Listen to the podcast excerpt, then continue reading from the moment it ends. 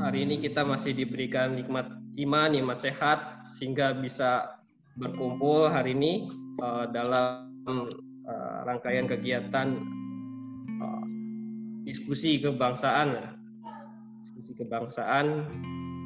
Salawat serta salam tak lupa kita panjatkan karya uh, baginda besar Nabi Muhammad SAW karena berkat hikmatnya kita dapat uh, hidup sampai hari ini dengan ilmu pengetahuan yang luar biasa memberikan keindahan, memberikan makna hidup untuk kita semua.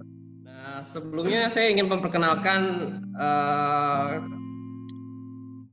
kegiatan ini dibuka, dilaksanakan oleh teman-teman uh, diskusi kebangsaan. Saya Adit, uh, Tommy, ini dulu sering kelayapan Pak jadi kita bangun-bangun diskusi di daerah-daerah uh, baik itu Jakarta, Tangerang, Banten, Surabaya, Ternate, Medan, hampir di seluruh Indonesia kita punya titik-titik uh, simpul diskusi kebangsaan. Karena kita melihat uh, generasi hari ini itu banyak kurangnya literasi mengenai kebangsaan dan jiwa bukannya apa ya sedikit sedikit dari mereka yang peka terhadap kondisi bangsa dan tahu literatur sejarahnya seperti apa itu sangat sedikit sehingga kita berusaha untuk memberikan kesadaran bahwa penting kita sadar akan sejarah bangsa kita agar kita bisa jadi bangsa yang bermartabat mandiri dan bermartabat gitu. Nah, kita bangunlah beberapa titik simpul itu. Nah, salah satunya ada yang di UHAMKA, Pasarbo di Jakarta itu titik simpul di Jakarta. Nah, seperti itu. Nah, kegiatan diskusi ini uh, mudah-mudahan bisa berlanjut, enggak tidak sampai hanya di sini. Ini lewat via Zoom karena saya dan teman-teman ini uh, melihat kondisi seperti itu jadi haus, Pak. Jadi haus akan ini gimana sih keadaan negara? Uh, jadi ini momentum kita walaupun kita nggak bisa biasanya kita tetap muka langsung nah ini kita uh, lewat aplikasi Zoom. Yang mudah-mudahan walaupun tidak bisa memuaskan tapi bisa memberikan kekuatan kepada diri kita untuk tetap uh, memberikan kesadaran menebarkan kebaikan agar uh, khususnya generasi-generasi muda sadar akan kondisi uh, negaranya, lalu dapat mencintai dan paham sejarah bangsanya. Seperti itu. Nah, di kali ini tema kita mengenai mengenai kebangkitan nasional. Ya, kebangkitan nasional. Di sini ada nanti uh, dipaparkan oleh Tommy mengenai sejarah pergerakan bagaimana uh, munculnya kesadaran uh, bangsa Indonesia mulai dari apa berdirinya Budi Tomo hingga kemerdekaan kemudian paham uh, apalagi di kala ini mungkin nanti setelah sekarang kan muncul the new normal kan karena new normal. Mungkin kemaritiman ini akan menjadi suatu potensi besar yang hari ini belum belum ada menjamah gitu. Membangun lumbung. Kalau kami misalnya di teman-teman kebangsaan kami sebut lumbung. Berarti di situ ada kegiatan bukan hanya sekedar geopolitik tapi juga sebagai geoekonomi yang hari ini belum terbangun secara uh, sistematis. Seperti itu pak. Mungkin untuk mempersingkat waktu uh, memberikan kepada Mas Tommy untuk mem memaparkan materinya Silakan Mas Tommy. Oke, Bismillahirrahmanirrahim. Assalamualaikum warahmatullahi wabarakatuh. Waalaikumsalam. Uh, terima kasih atas kesempatannya dari teman-teman basis ya, Posko Pasar Bo yang tadi sudah diulas sedikit tentang kajian diskusi kita di beberapa tahun yang lalu dari berbagai kampus dan daerah ya. Salawat serta salam semoga tercurah pada junjungan besar Nabi besar kita Muhammad Sallallahu Alaihi Wasallam yang tengah me, yang telah mengantarkan kita dari zaman kegelapan hingga terang benderang sampai saat ini. Kita alhamdulillah bisa ketemu walaupun menggunakan uh, daring ya. Ya, oke okay, dari mungkin dari saya dulu ya dari kesempatan ini mungkin ada beberapa tampilan biar agak uh, ter konsep ya. Sebenarnya nggak terlalu banyak uh, paparan yang nanti mungkin saya sharing lah terhadap rekan-rekan sekalian yang ada di sini tentang sejarah kebangkitan nasional yang saya atau kawan-kawan sebelumnya sudah bahas di mana NKRI Negara Kesatuan Republik Indonesia berdasarkan sejarahnya kan terbentuk dari bangsa dulu terlahir baru merdeka dan terbentuk negara kemudian. Jadi kalau kita lihat titik-titik sejarahnya kan nanti kaitannya bagaimana dengan Budi Utomo yang lahir tanggal 20 Mei 1908 di mana komitmen untuk mengangkat harkat dan martabat hidup orang yang Indonesia asing atau kita kenal sekarang pribumi walaupun nanti ini menjadi bahan diskusi nih apakah uh, istilah pribumi itu kenapa justru jadi Parno ya nanti kita bahas. Kemudian 28 Oktober 1928 yang sebelumnya ada Taman Siswa 3 Juli 1922 kemudian Sumpah Pemuda 28 Oktober 1928 kemudian Pancasila 1 Juni 45 dan akhirnya kita memproklamasikan kemerdekaan bahasa Indonesia 17 Agustus 45 hingga sehari setelahnya dibentuk Negara Kesatuan Republik Indonesia dengan uh, disahkannya Konstitusi Undang-Undang Dasar 45. Nah, dari runtutan sejarah itu kita punya satu struktur atau filosofi. Filosofi NKRI itu bahwa negara apa bangsa dulu terlahir baru negara terbentuk kemudian. Artinya kalau kita analogikan menjadi sebuah gedung bahwa NKRI itu bangsanya sebagai pondasi dan e, negaranya sebagai bangunan. Nah, ini ada beberapa lintasan perjalanan sejarah bangsa Indonesia sejak awal. Yang kita hari ini banyak peringati adalah uh, tentang Budi Utomo ya. Budi Utomo yang menjadi tonggak uh, bangkitnya ya, momentumnya adalah wake bangkit uh, apa? Hari Kebangkitan Nasional yang nggak sejak awal itu dikatakan Hari Kebangkitan, ada sejarah juga pada tahun 1948 pasca atau waktu itu ada agresi satu dua di mana keselamatan negara terancam akhirnya dibutuhkan sebuah kalau muslim itu ada namanya peringatan Maulid Nabi lah ya dari zaman Salahuddin Alayubi yang membutuhkan spirit tadi spirit yang kita butuh itu untuk sebagai apa ya refleksi atau titik tolak bagaimana kita eh, apa ya kembali ke real kita kepada kepada realnya kembali kepada real perjuangan kemerdekaan bangsa Indonesia yang uh, merupakan cita-cita proklamasi. Kemudian yang di mana tujuannya Budi Utomo itu adalah memberikan pendidikan informal kepada kaum pribumi. Kondisinya sebenarnya agak mirip dari hari ini kita kurang lebih tiga bulan uh, work from home dan apa belajar dari rumah, kemudian kerja dari rumah dan juga ibadah dari rumah gitu ya ada beberapa misalnya kalau dalam konteks Budi Utomo ini kan orang-orang yang sekolah di Stovia atau sekolah kedokteran pribumi yang pada saat itu juga kan terjadi pemisahan pemisahan bagaimana si apa pribumi itu di dalam strata sosial tertentu ya eh, yang dia nggak bisa ber apa bergaul secara bebas ataupun gampang dengan uh, kaum kaum kolonial. Kemudian ada runtutnya taman siswa itu udah menuju ke arah formal. Jadi ada kelas-kelas pendidikan dari awal dasar, menengah sampai perguruan tinggi. Kemudian Sumpah Pemuda ini mungkin jadi diskusi aja Pancasila, Proklamasi dan Undang-Undang 45 tadi yang sudah saya sebutkan. Nah, berdasarkan sejarahnya kalau kita gambarkan rentetan sejarah tadi atau histori tadi, Budi Utomo merupakan titik mula, titik mula di mana eh, awalnya kebangkitan kalau kita kenal sekarang kebangkitan, tapi tepatnya adalah bagaimana eh, Budi Utomo itu melakukan penyadaran terhadap ketertindasan yang dialami masyarakat Indonesia waktu itu, walaupun belum Indonesia yang namanya Nusantara lah, yang memiliki kesamaan nasib dijajah oleh Belanda waktu itu. Budi Utomo eh, lahir tahun 20 apa 1908 20 Mei 1908 walaupun kongresnya baru diselenggarakan pada bulan Oktober. Itu pun bertepatan dengan bulan Ramadan pada waktu itu 1908 tanggal 5 Oktober yang me, apa, menghasilkan resolusi kalau Budi Utomo itu sebenarnya bukan organisasi politik ditegaskan di situ. Walaupun awalnya ada arah ke sana kemudian taman siswa sampai kita dibentuk negara. Jadi ada uh, batas ada wilayah ya ada wilayah Budi Utomo Taman Siswa dan Sukamuda itu wilayahnya bangsa.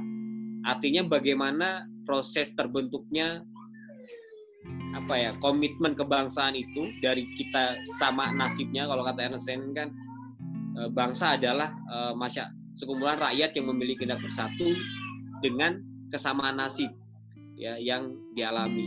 Kemudian negara dibentuk ya dengan tujuan itu tujuan untuk me apa ya memperbaiki lah mengangkat harga dan martabat hidup rakyat Indonesia yang saat itu tertindas.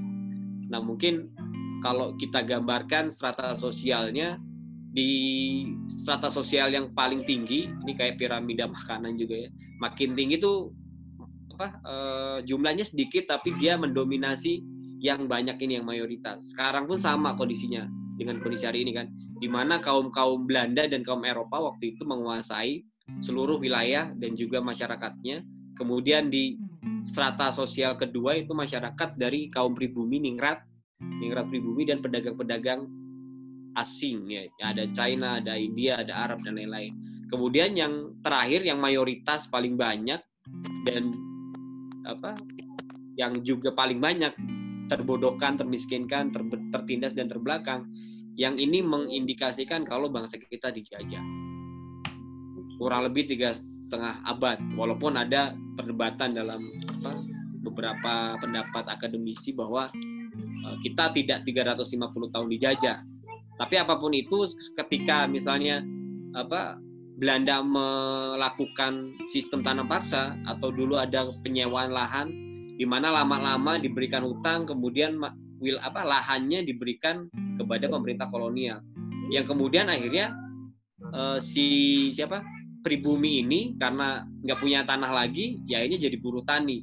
Sama seperti kondisi sekarang yang kita alami. Nah, ini juga ada beberapa realitas sejarah kita hari ini. Banyak orang yang apa ya, uh, euforia merayakan 20 Mei, apalagi momentumnya di kondisi pandemi corona hari ini, semua orang ya mak makin apa ya euforia lah ya makin apalagi ada ini terserah Indonesia terserah sekarang ini mungkin nanti jadi bahan diskusi. Ini lebih kepada apa ya isu permukaan. Yang dari awal juga kita kritik bahwa peringatan-peringatan ini jangan hanya jadi apa ya jadi seremonial. Tapi ujung-ujungnya tetap aja kita cuman peringatan Hari Kebangkitan Nasional ya udah selesai. Padahal ada nilai sejarah yang bisa kita refleksikan atau kita ambil sari sari hukumnya yang kita bisa gunakan untuk bagaimana menghadapi tantangan oh, aku satu lima hari ini ya kan? Di mana misalnya Budi Utomo nanti kita bahas tapi misalnya kita 28 Oktober hari lahirnya Sumpah Pemuda yang bertujuan untuk mengangkat harkat martabat hidup orang orang bangsa Indonesia asli yang sekarang hanya diperingati ya udah setiap 28 Oktober hanya ya, apa pemuda aja. selesai. Bahkan isinya pun nggak hafal gitu. kemudian 17 Agustus proklamasi itu pun diperingati sebagai HUT RI ya kan padahal belum ada republik di situ. Kemudian 18 Agustus ini justru nggak pernah diperingati. Tidak orang Indonesia mungkin nggak tahu kapan negaranya eh, lahir atau dibentuk. Taunya bangsa Indonesia lahir 17 Agustus gitu. Padahal itu beda hal yang beda juga. Nah, masuk ke Budi Utomo ini kita refleksi aja ya, berbagi. Saya nggak lagi mengajari mungkin ke yang di mana gagasan awalnya itu adalah mendirikan lembaga beasiswa untuk membantu para pelajar Bumi Putra. Kalau kondisi hari ini kan eh, strata sosialnya terbentuk secara alamiah, seolah-olah alamiah, padahal itu bentukan. Artinya bahwa yang bisa sekolah itu hanya orang yang memiliki ekonomi menengah ke atas.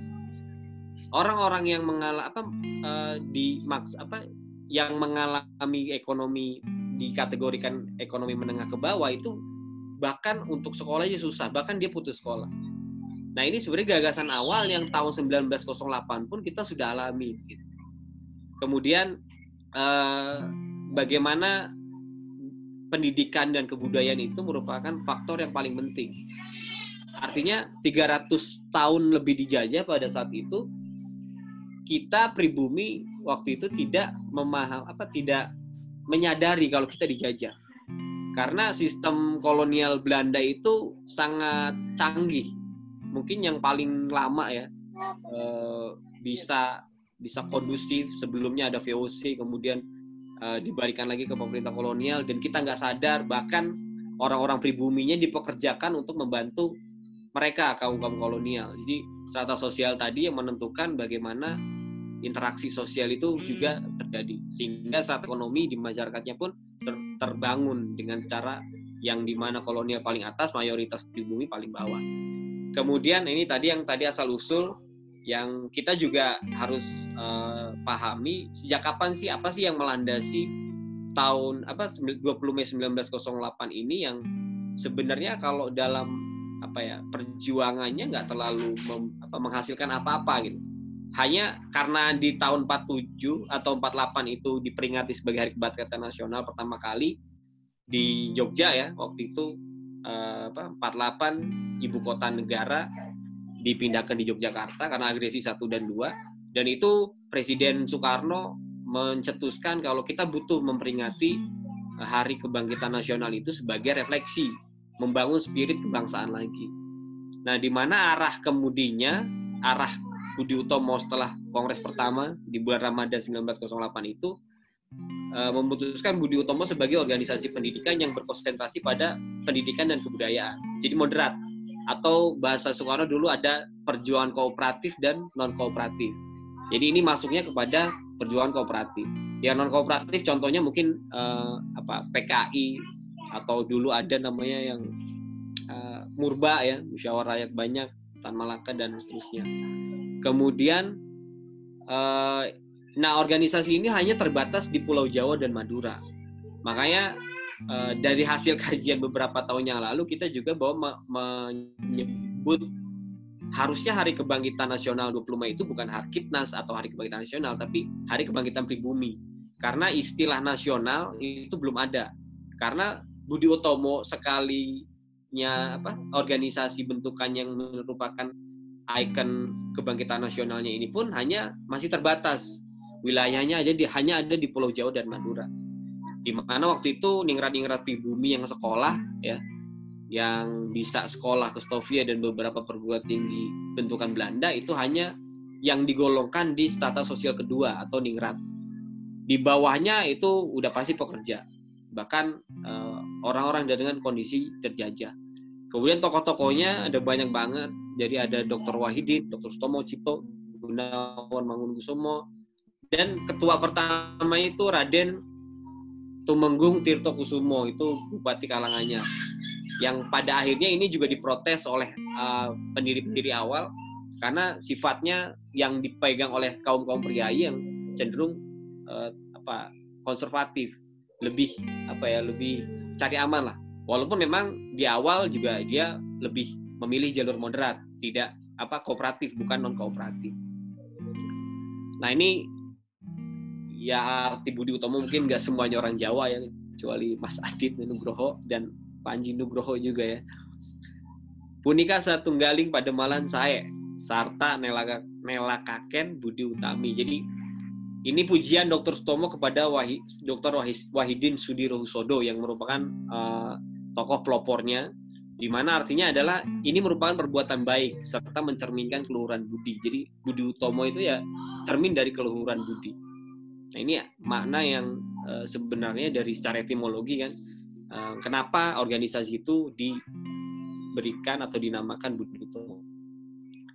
Nah masuk ke dampak, nih ini 1908 ini kan ada kultur stelsel. Makanya kenapa Budi Utomo itu di, di, dibentuk karena mereka mencoba menyadarkan uh, kondisi yang dialami pribumi yang tadi itu ada kondisi miskin, bodoh, terbelakang dan tertindas itu adalah indikasi bahwa kita bangsa yang terjajah. di mana kultur stelsel, sistem tanam paksa atau penyewaan paksa, dan politik etis ini dilakukan di 1901. Di mana dampak-dampaknya itu adalah perubahan bangunan pola berpikir masyarakat saat itu yang awalnya berpikir agamis ke arah materialis. Jadi orang orientasinya adalah kerja dapat uang, uang untuk makan, makan ya biar bertahan hidup.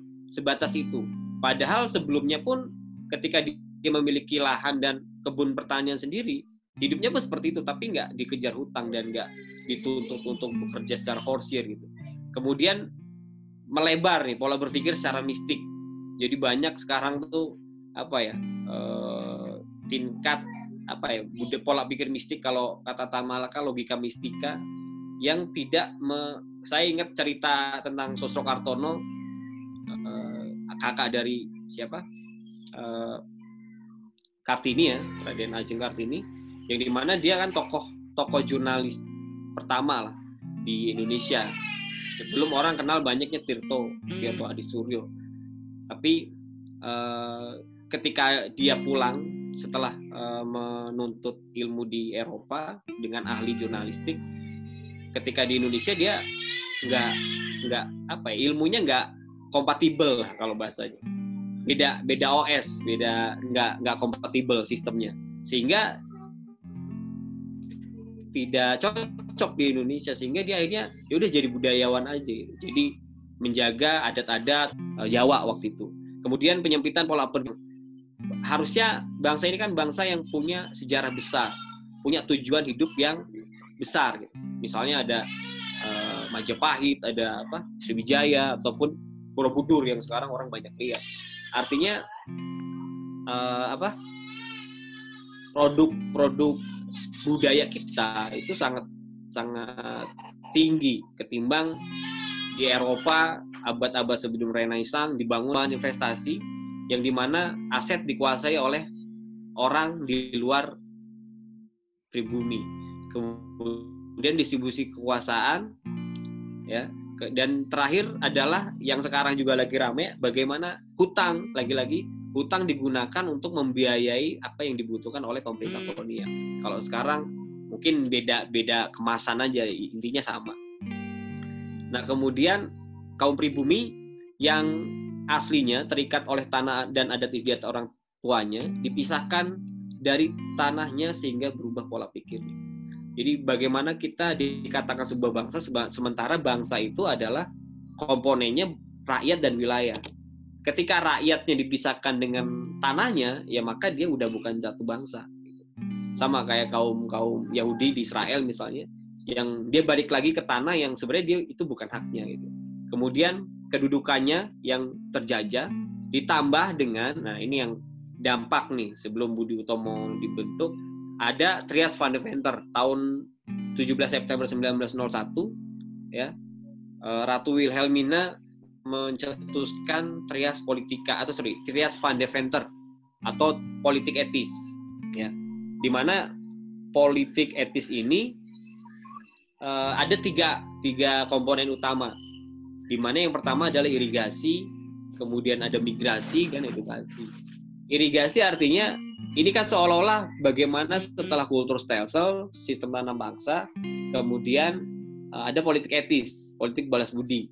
Oh, apa, setelah berapa apa 300 tahun mengabdi untuk kolonial, maka saatnya pribumi mendapatkan pendidikan yang layak dengan program politik etis ini.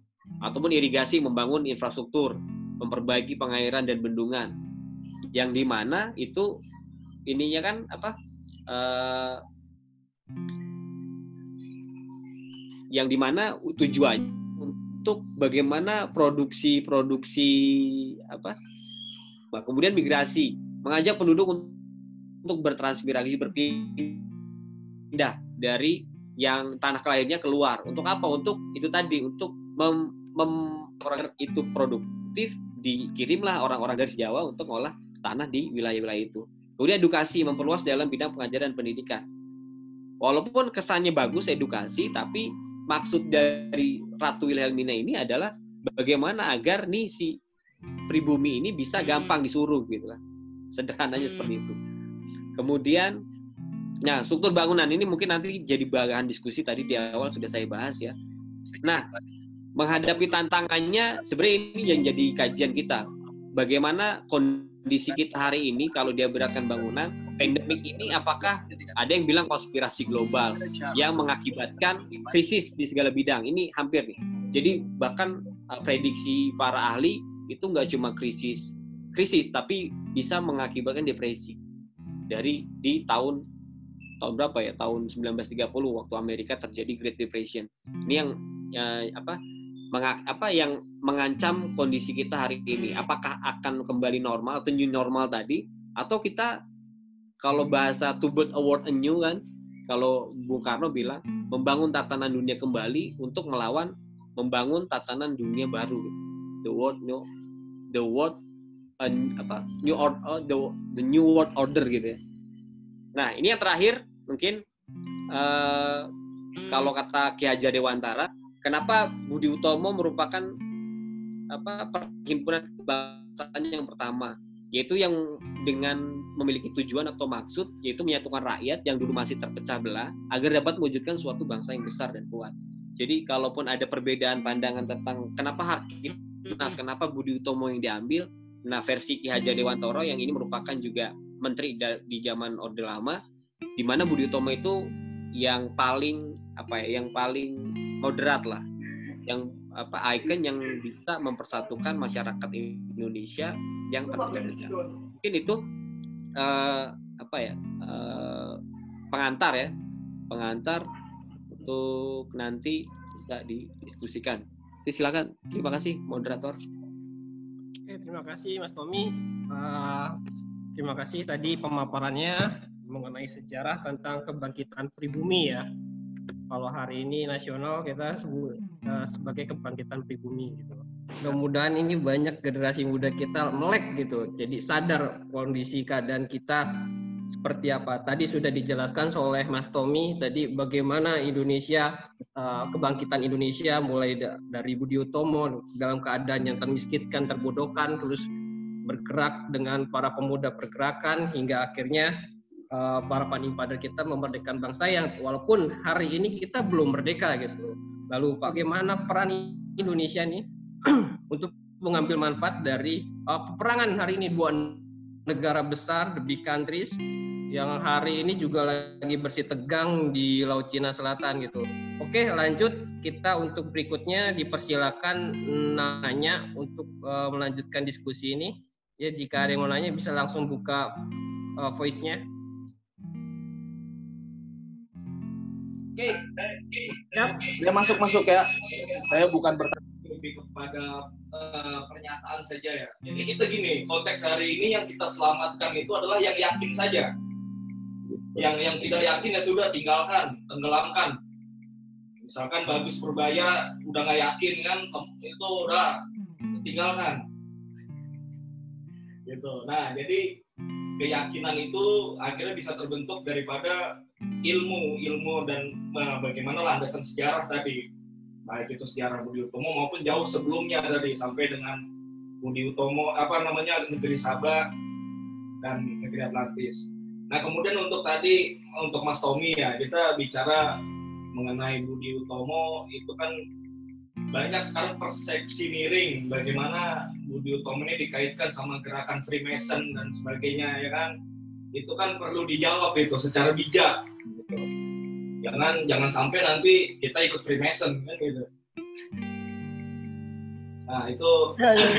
itu aja sih mungkin yang, yang bisa saya sampaikan. Mungkin Mas Tommy bisa jawab lah. Oke, Mas Tommy silakan.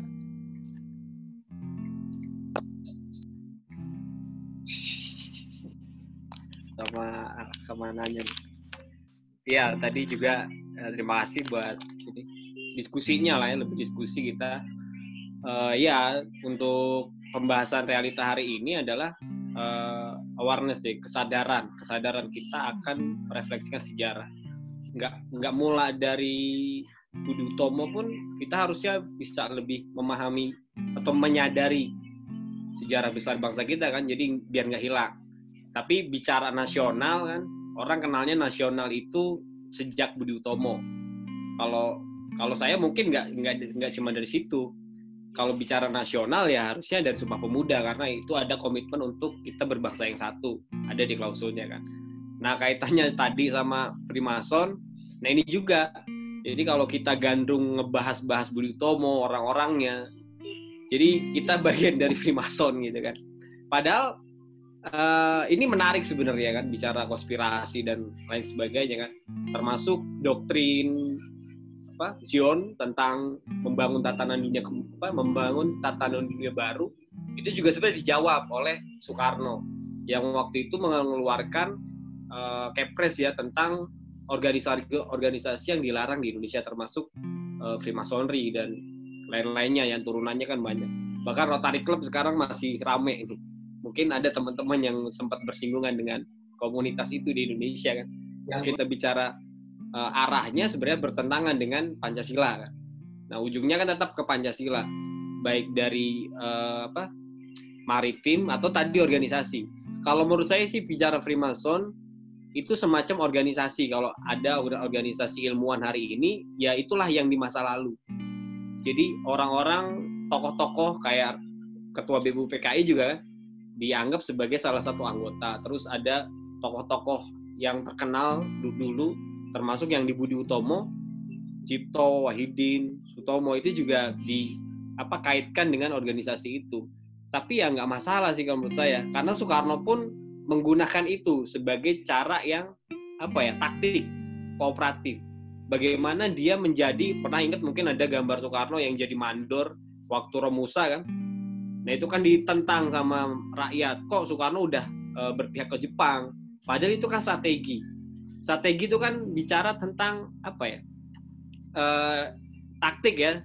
Bagaimana kita mencapai tujuan dengan cara-cara yang apa strategis. Kalau dalam perang mungkin Pak Kolonel lebih paham tentang strategi perang ya licik terhadap musuh adalah eh, itu harus ada dalam perang. Jadi kalau kita nggak menggunakan strategi itu ya sampai kapan pun kita nggak merdeka. Terlebih bicara tentang uh, apa namanya uh, prediksi.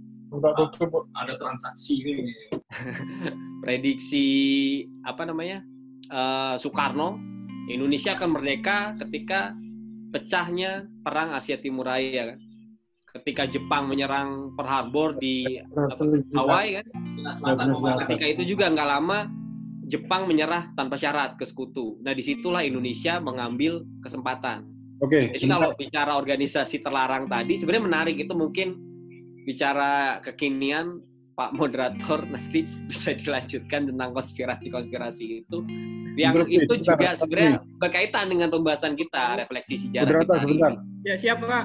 Oh, Karena sebentar. kalau Memang. tidak disadarkan, Pak ya. Pak Salim ngomong. Oh ya, baru diingatkan kan waktu oh, iya. kita mau ini Pak Tommy tadi ngomong karena pada tahun 1928 perang Pasifik itu ya saya ngomong sebentar aja. Saya juga 5-10 tahun yang lalu saya sudah sering dalam pembicaraan itu. Mm-hmm. biar ingat juga ini.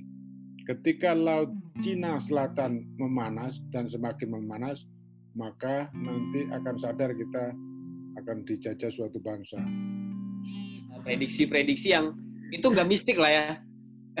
Kalau itu udah nggak mistik karena ada data dan informasi yang dikumpulkan menjadi sebuah pengetahuan kita sebagai bangsa uh, kepulauan atau Nusantara tadi adalah bangsa maritim. Artinya bagaimana dulu juga Presiden Soekarno memberikan porsi yang besar bagaimana pengelolaan kemaritiman. Dan ini juga yang saya temukan kalau ada orang menyebut maritim, stigmanya itu adalah laut gitu. Itu masalah jadi kita terlalu banyak di darat, akhirnya nggak mau ke laut. Padahal paradigma itu maritim itu kan nggak cuma laut ya kalau kata Bung Adit yang sering kita diskusikan bahwa apa yang berhubungan dengan air dan juga laut ya termasuk itu juga di dalamnya itu juga bagian dari uh, apa cara berpikir maritim. Artinya kalau kita bahas dari edukasi dalam politik etis tadi, sebenarnya bagaimana uh, tokoh-tokoh Budi Utomo itu member, mem, apa, menggunakan kesempatan itu untuk menyadarkan pribumi dari kondisinya yang terjajah. Mungkin kalau dalam konteks maritim, kita ini kalau kata Jokowi di awal pertama apa pernyataan kemenangan waktu sama JK kan, berhentilah kita membungkungi laut gitu kan. Jadi laut itu ya harusnya ditatap ke depan gitu. Yang di mana stigma-stigma kalau bicara pelabuhan itu kan pasti dalam tanda kutip wilayah-wilayah yang kumuh dan kriminal dan seterusnya gitu kan.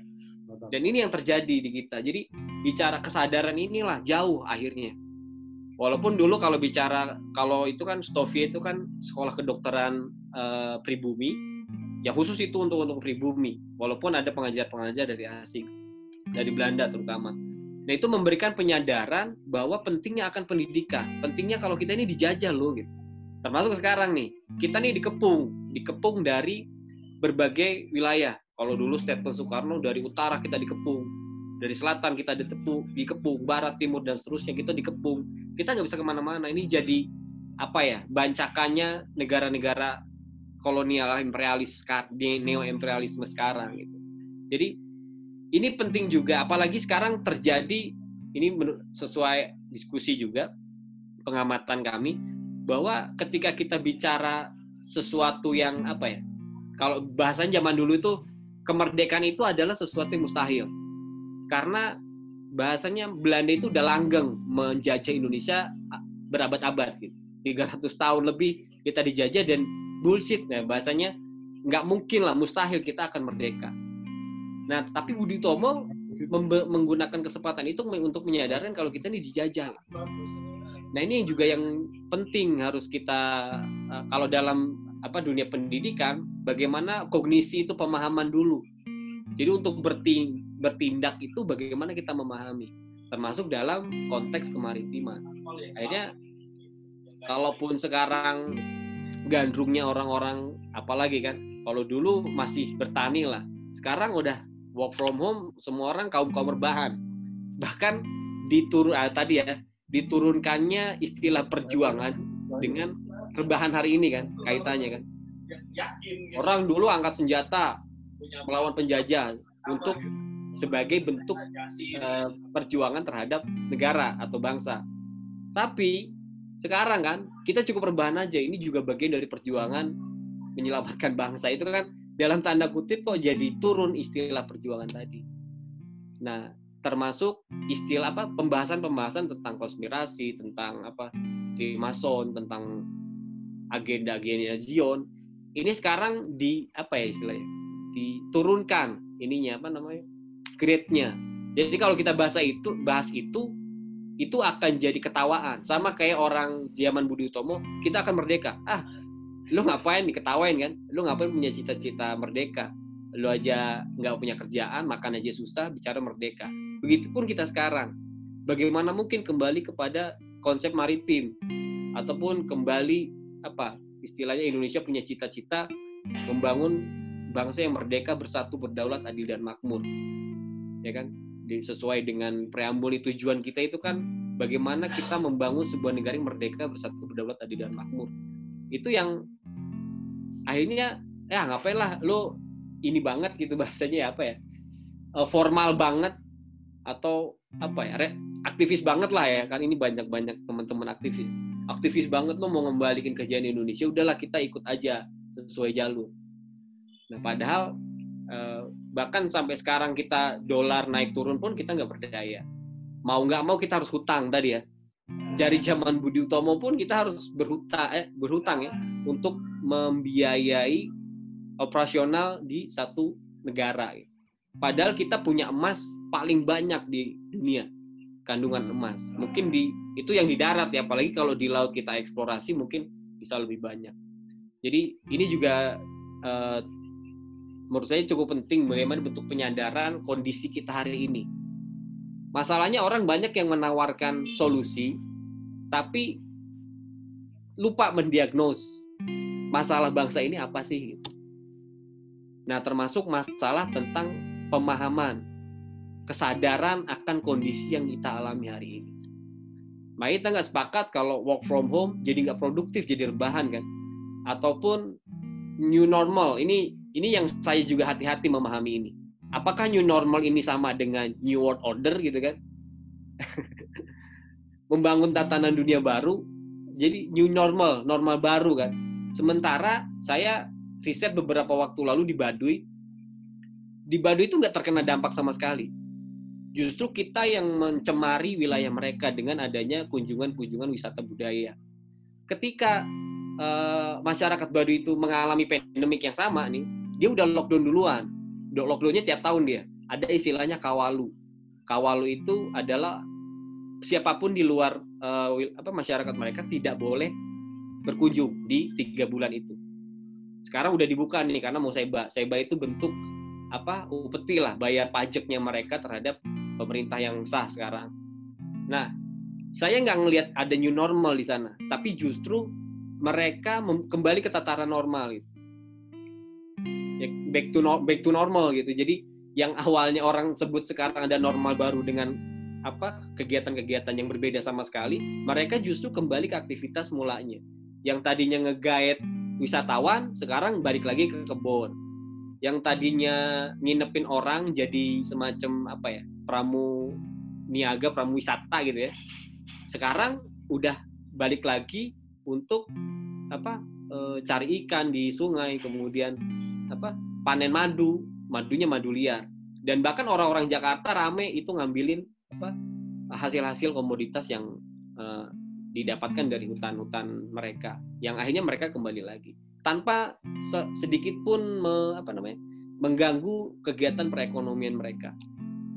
Intinya kalau dalam kajian kami juga istilah ekonomi itu kan bukan hanya uang, tapi ekonomi itu adalah kegiatan. Nah kalau kita tiba-tiba penghasilan kita menurun ataupun nggak ada aktivitas dalam dalam bidang ekonomi, berarti kita emang nggak punya kegiatan apa-apa. Ketika di apa eh, karantina misalnya hari ini di PSBB di rumah, ya kita udah ada yang nggak bisa bayar listrik, ada yang nggak bisa bayar sekolah, ada yang bisa nggak bisa makan bahkan karena emang nggak ada apa-apa. Nah ini yang membahayakan untuk uh, normal baru normal baru itulah ini mungkin jadi kajian ke depan. Termasuk tadi yang komunitas-komunitas tadi ya, uh, saya pikir ini perlu perlu uh, diskusi yang lain untuk Freemason dan lain-lainnya itu. Tapi intinya itulah uh, kata kuncinya adalah bagaimana kita menyadari kondisi hari ini, kondisi di sekitar kita, untuk kemudian kita memberikan solusi terhadap masalah yang kita alami. Nggak kayak tukang obat gitu ya, pokoknya eh, pokoknya presidennya A selesai masalah, gitu kan. Pokoknya menterinya B, pokoknya selesai masalah. Jadi terlalu subjektif tanpa melihat kondisi-kondisi tertentu. Pun kita lihat sekarang kan ego sektoral dari beberapa menteri yang akhirnya masyarakat mengekspresikan dengan ya udah bodo amat gitu ya. Ada tagar Indonesia terserah. Ini juga jadi masalah kan. Bagaimana nggak sinkronnya antara pemerintah dengan rakyatnya? Siapa yang salah? Kita harus lihat kondisi ini. Inikah cerminan bangsa kita hari ini? Bicara kurikulum, sekarang anak sekolah aja masih belum jelas. Uh, apa namanya? Apa yang akan mereka lakukan ke depan? bahkan cuti bersamanya nih sambil saya lihat nih yang PNS-PNS yang bekerja-pekerja ternyata Jumat nggak cuti bersama sampai di seterusnya ini juga ada kegagapan lah dalam melihat bagaimana kondisi kita sistem kita yang memang nggak berjalan sebagaimana mestinya jadi sangat-sangat butuh kalau bicara kekuasaan di pusat kan nggak boleh ada lockdown lockdown di daerah. Semuanya harus terpusat padahal itu nggak usah disebut. Ya semuanya harusnya berkoordinasi dengan pusat. Nah ini juga sebagai bentuk kritik kita terhadap uh, kondisi yang ada sekarang yang kita nggak emang nggak boleh bergantung dengan kondisi itu. Kalau dari refleksi sejarah bahwa bangsa kita adalah bangsa yang besar, mestinya kita punya inisiatif untuk tidak hanya melihat kondisi yang terjadi ke depan, tapi apa yang kita lakukan? Minimal produktif lah. Sambil bekerja, sambil diskusi seperti ini juga sebenarnya uh, salah satu aktivitas yang nggak cuma menunggu menunggu gimana nanti, tapi apa yang akan kita buat ke depan gitu kan. Terlebih tadi beberapa hal yang strategis juga sudah dibahas. Mungkin itu Pak moderator, silakan. Iya, oke, terima kasih.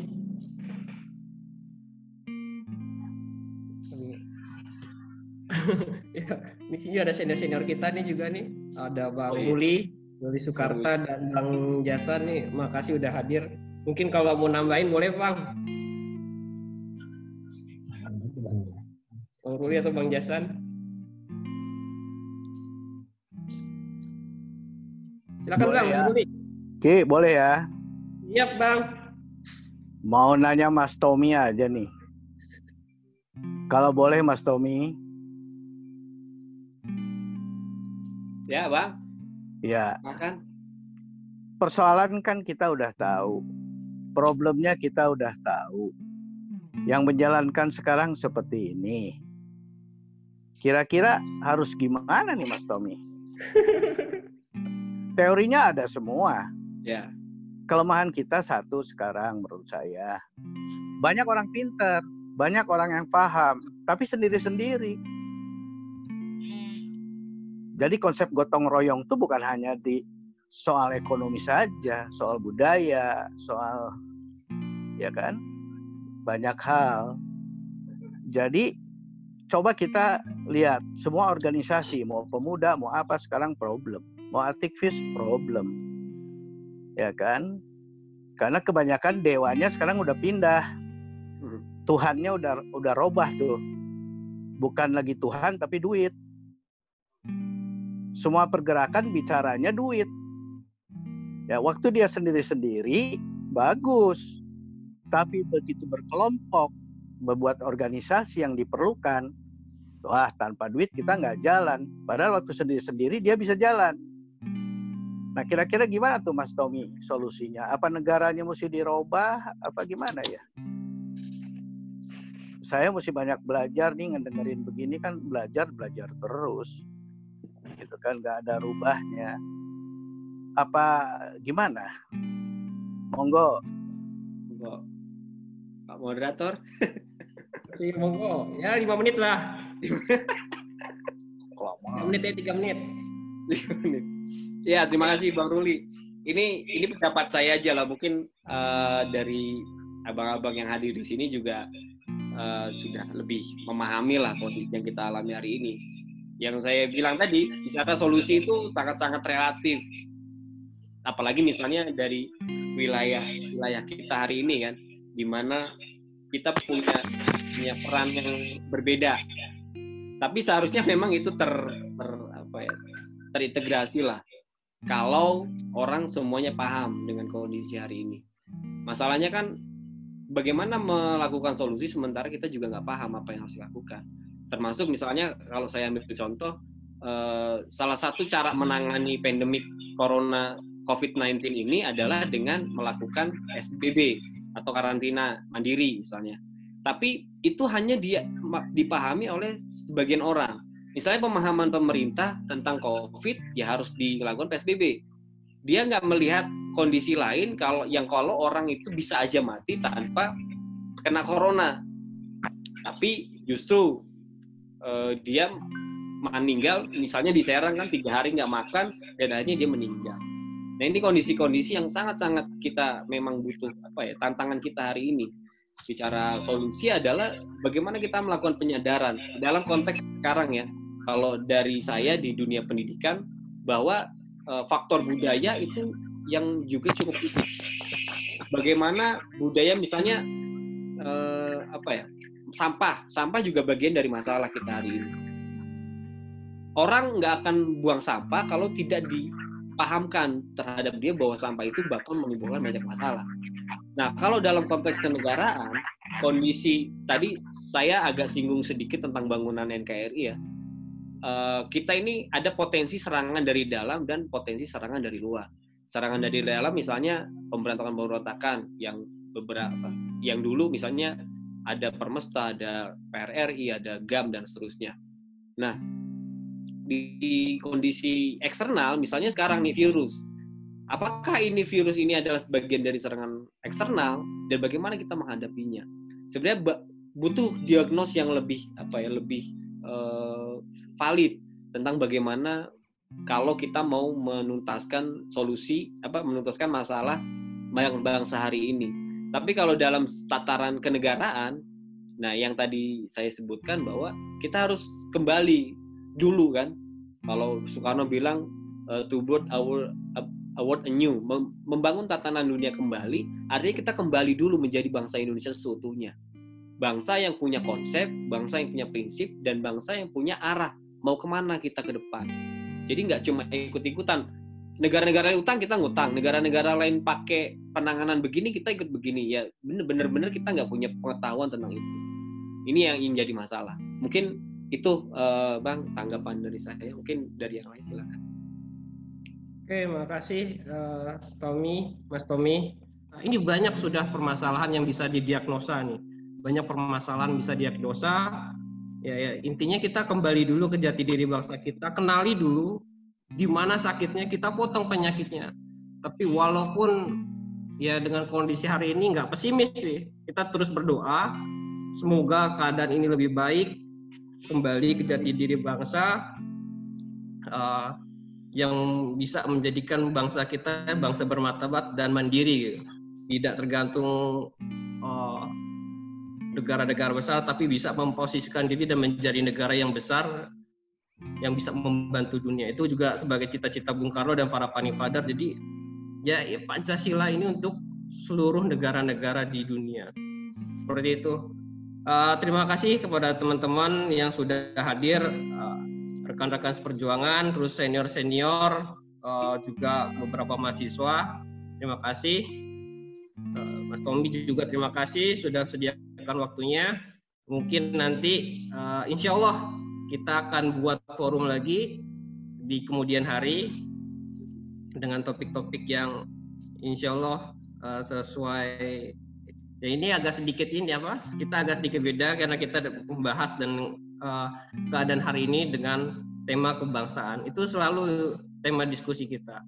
Ya mudah-mudahan semua yang diberikan oleh pemateri memberikan manfaat dan yang utama kita tetap integritas ya integritas terhadap diri kita ya yaitu modal utama kita. Dan mudah-mudahan pandemi ini segera berakhir dan pemerintah bisa memberikan solusi kebijakan yang tepat sehingga kita bisa hidup normal bukan new normal ya. Terima kasih. Kurang lebihnya mohon maaf. Saya kembalikan kepada pembawa acara. Silakan. Ya, baik terima kasih bang Oki Ya, saya ucapkan terima kasih kepada Bang Faisal Tommy Samutra serta moderator kita Bang Oki Rawan dan lupa juga saya terima kasih kepada Bapak Ibu, Abang dan Kakak yang sudah ikut join di diskusi kita kali ini. Nah, semoga dapat join lagi di diskusi berikutnya seperti itu. Mungkin sekian dari saya kurang lebihnya saya mohon maaf. Semoga pertemuan kita kali ini tentunya dapat mengambil banyak hikmah, dapat mengambil banyak ilmu ya, seperti itu. Karena memang kita tugasnya disuruh mencari ilmu seperti itu. Karena kita kurang paham ataupun sudah paham, ya itu kita terus menggali ilmu itu sendiri. Sehingga apa yang memang kita pelajari itu dapat bermanfaat bagi diri kita, bagi orang terdekat kita, bagi masyarakat serta bangsa dan negara. Mungkin cukup sekian saya, dari saya. Kurang lebihnya mohon maaf. Bila bisa bihak, pasabitul khairat. Wassalamualaikum warahmatullahi wabarakatuh. Waalaikumsalam. Waalaikumsalam warahmatullahi